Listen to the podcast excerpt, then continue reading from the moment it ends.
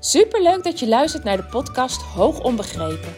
De podcast voor ouders van hoogbegaafde kinderen die hun kind beter willen begrijpen. Mijn naam is Eveline Noordzij en in deze podcast deel ik tips en inspiratie zodat jij jouw kind beter gaat begrijpen, meer en meer in jezelf gaat geloven en durft te gaan vertrouwen op jouw intuïtie. Hoe ga je om met uitdagende situaties? Wat heeft jouw kind van jou nodig? En hoe zorg je voor verandering zodat jouw kind zich gelukkig voelt? Ik heb er veel zin in om dit allemaal met jou te delen. Dus laten we voor vandaag maar beginnen.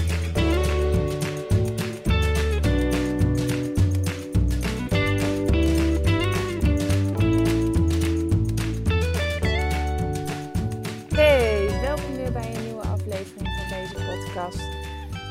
Afgelopen weekend ben ik een heerlijk ben ik een weekend uh, alleen op pad geweest. Ik had twee nachten geboekt in een hotel. En ik ben er even echt op uitgegaan. Even uit de dagelijkse omgeving. Even helemaal alleen. En soms zeggen mensen wel eens tegen mij: Ja, Eveline, vind je dat dan niet vervelend? Helemaal alleen? Ga je dan niet liever samen met een vriendin of met iemand anders? Of... Maar ik vind het heerlijk dat ik echt met niemand, maar dan ook helemaal niemand rekening mee hoef te houden. Dat ik echt alleen maar de dingen kan doen die ik zelf wil doen. Uh, op de tijd wanneer ik het wil doen. Het maakt niet uit. En ik geniet er echt van. Als klein meisje kon ik, het al, kon ik er al van genieten als ik alleen ging winkelen. Vond ik ook echt heerlijk. Gewoon niemand om rekening mee te houden. Even echt de tijd voor mezelf. Zelf bepalen wat ik doe. Zelf bepalen wat ik mooi vind. Zelf bepalen of ik iets wel of niet ga passen. Zonder de mening van anderen. Ik vond dat toen al heerlijk. En dat vind ik nog steeds heerlijk. En uh, ja, vorig jaar heb ik het voor het eerst gedaan en uh, een weekend weg. Helemaal alleen en nu, uh, nu weer. En ik merk echt gewoon dat ik het nodig heb om bij te denken. En tuurlijk probeer ik gedurende de hele dag tijd voor mezelf ook in te plannen, tijd voor mezelf te maken. Um, maar je bent toch de hele dag bezig. Tenminste, ik kan de hele dag bezig zijn. Um, Ook al heb ik tijd voor mezelf, dan is het toch altijd wel weer een kind dat nog even iets tegen me wil zeggen. Of nog even wat geluid wat ik hoor. En ik, uh, ja, ik merk dat ik het er gewoon heel erg goed doe op, op het moment dat ik er tijd voor mezelf heb. Maar nou heb ik natuurlijk niet alleen maar uh, gewinkeld en lekker ergens gaan eten, uh, filmpjes gekeken. Maar ik ben ook aan het werk geweest. En dan zou je zeggen, ja, leuk Eveline, maar je ging toch een, weekend voor jezelf weg. Nou, ik vind het ook heerlijk om te werken, om de dingen te gaan doen waar ik niet aan toe kom. En één ding daarvan was het voorbereiden van de nieuwe themamaand. Ik kwam daar hier thuis en op mijn werk maar niet aan toe. En um, ja, ik, er zat gewoon iets in mijn hoofd en ik, ik wilde dat zo graag uh, op papier zetten, want zo werk ik. Ik zet het in eerste instantie op, op papier en vervolgens ga ik de video's opnemen. En ja, ik, ik wilde daar gewoon tijd voor vrijmaken. En ik dacht, oh, als ik nou een heel weekend wegga, dan ga ik daarmee aan de slag. Nou, dat is ook wat ik gedaan heb. Het staat inmiddels op papier. Ik ga deze week nog de video's opnemen. En dan vanaf half april start er weer een nieuwe themamaand. En deze keer gaat het over hoe je je kind kan uh, motiveren of zover kan krijgen dat het dingen gaat doen, dat het dingen gaat aanpakken waar het eigenlijk, ja, waar het eigenlijk weerstand tegen heeft. Wat het moeilijk vindt. Um, echt gericht op de kinderen die, die ja, die uitdaging vermijden, die moeilijke dingen vermijden, die het niet durven aan te gaan. En in de nieuwe themamaand ga ik je stap voor stap meenemen in hoe je dat kan aanpakken. En ik deel daarmee de tips die ik zelf eigenlijk ook toepas op het moment dat ik een, uh, een intelligentieonderzoek afneem en een kind heel snel zegt van, oh maar dit kan ik niet, dit is te moeilijk voor mij, dit, dit, dit doe ik niet, dit, uh, ja, ik, ik weet het gewoon niet. Ik, uh, ik heb daar op een gegeven moment mijn eigen manier in gevonden. En dat is een manier die, ja, die heel goed werkt en die ga ik ook met jullie delen. Ik kom daar de komende weken echt nog een heel aantal keren op terug. De inschrijving is ook nog niet geopend. Maar zeg jij nu van ja, Eveline, dit is echt precies waar ik naar op zoek ben. Hier wil ik iets mee. Want ik loop er thuis ook enorm tegen aan dat ik mijn kinderen ja, niet gemotiveerd krijg of niet over de streep kan krijgen om iets aan te gaan wat ze moeilijk vinden. Uh, ik herken het heel erg, hè, de antwoorden van weet ik niet, kan ik niet. Uh, en ik wil heel graag meedoen. Nou, schrijf je dan vast in, uh, zet je naam vast op de wachtlijst. Dan hou ik je in ieder geval per e-mail op de hoogte van wanneer de inschrijving open gaat. Nou, dat wat betreft afgelopen weekend wat ik gedaan heb. Um, dan ga ik over naar het onderwerp waar ik het vandaag met je over wil hebben. En dat sluit eigenlijk aan bij de podcast uh, eh, 157, waarin ik het heb over wat is nu het beste qua onderwijs uh, voor hoogbegaafde kinderen. En mocht je de podcast niet geluisterd hebben, um, dan kan het zeker heel waardevol voor je zijn als je zelf heel erg ja, op de wip zit van goh, mijn kind, hè, ik wil mijn kind eigenlijk eh, naar een andere school doen. Wat kan ik het beste voor onderwijs kiezen? Um, daar heb ik het onder andere over hoogbegaafdheidsonderwijs. In heel veel regio's is er inmiddels uh, gedeeltelijk of fulltime hoogbegaafde onderwijs mogelijk.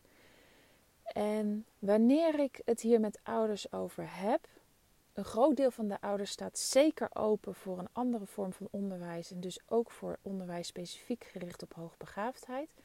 Maar een deel van de ouders geeft bij mij nog heel vaak aan van ja, maar die stap wil ik niet nemen. Want ik vind eigenlijk dat mijn kind in het reguliere onderwijs moet blijven. Want later zullen ze er ook mee moeten leren dealen dat niet de hele wereld op hen is afgestemd. En ik begrijp deze redenering, want het klopt ook.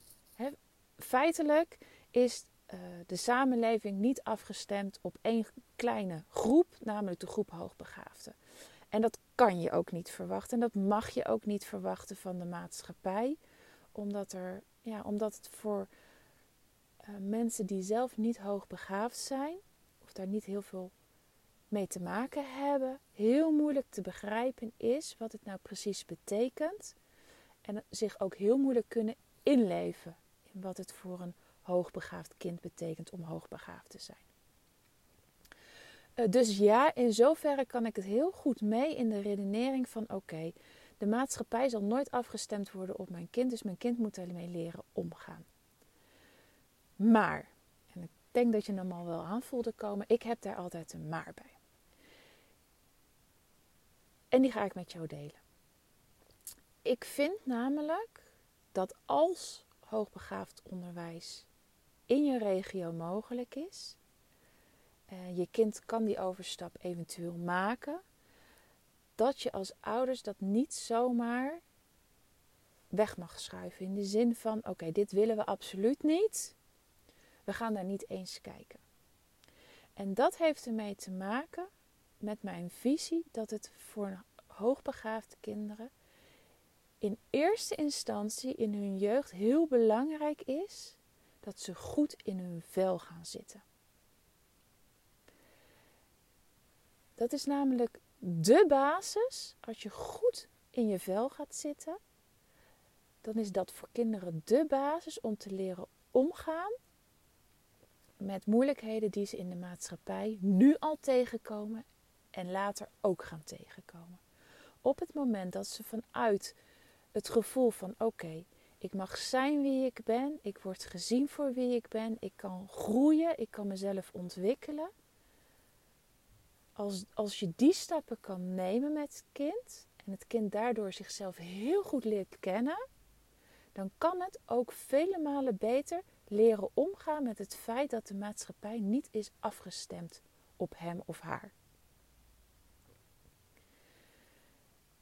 En ik, ik ben van mening dat een kind dat niet lekker in zijn vel zit, niet gezien wordt, niet begrepen wordt, zo hard moet werken om te kunnen overleven, om zich staande te houden, dat er onvoldoende ruimte is om zichzelf goed te leren kennen, emotioneel goed in, in, in hun vel te komen zitten, waardoor ze ook veel minder makkelijk kunnen dealen met de omgeving die niet is afgestemd op hen. Op hen.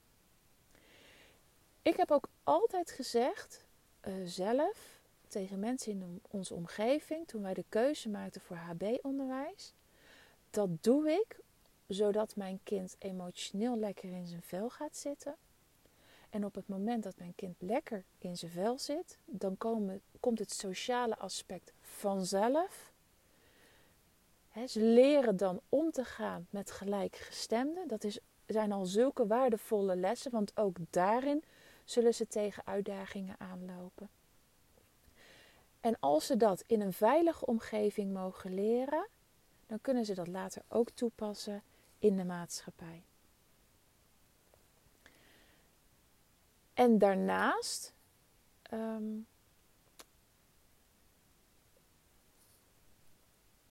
is het nog altijd zo dat ook al gaat jouw kind naar hoogbegaafdheidsonderwijs, er nog heel veel momenten zijn dat het gewoon in de maatschappij meedraait en mee moet draaien als een hoogbegaafd kind tussen de niet hoogbegaafde kinderen of tussen de niet hoogbegaafde volwassenen. Dus er zijn nog steeds heel veel momenten dat ze daarmee geconfronteerd worden of dat ze daarmee moeten leren omgaan. Neem nou als het kind op sport zit.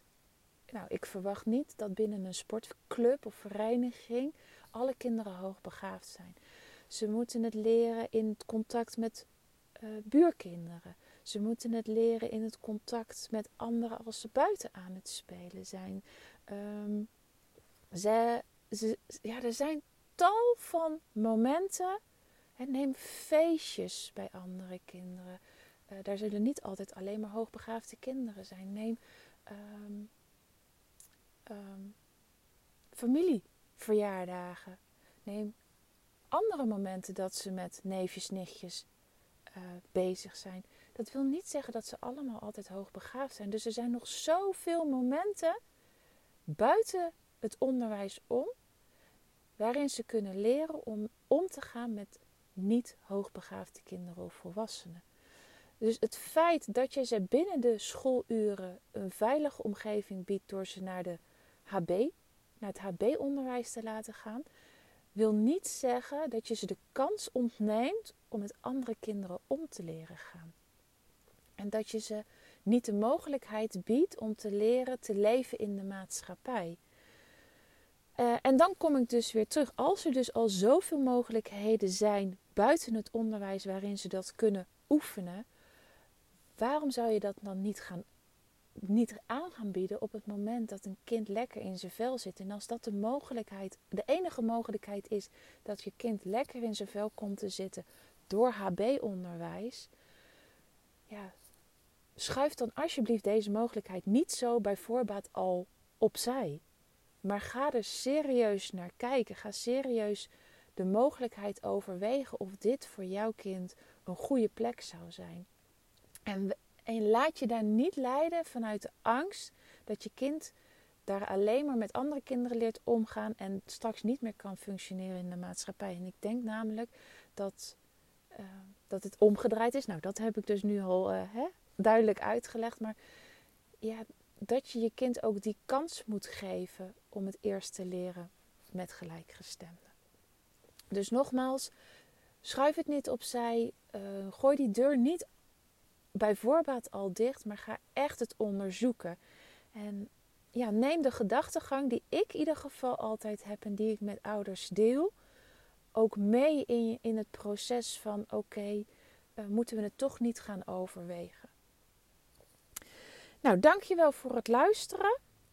Uh, wil je je inschrijven en daarmee op de wachtlijst komen voor de themamaand, zodat ik je op de hoogte hou wanneer de inschrijving geopend. Uh, wanneer, ik, wanneer ik de inschrijving openstel, uh, schrijf je dan in. Ik zal een link in de.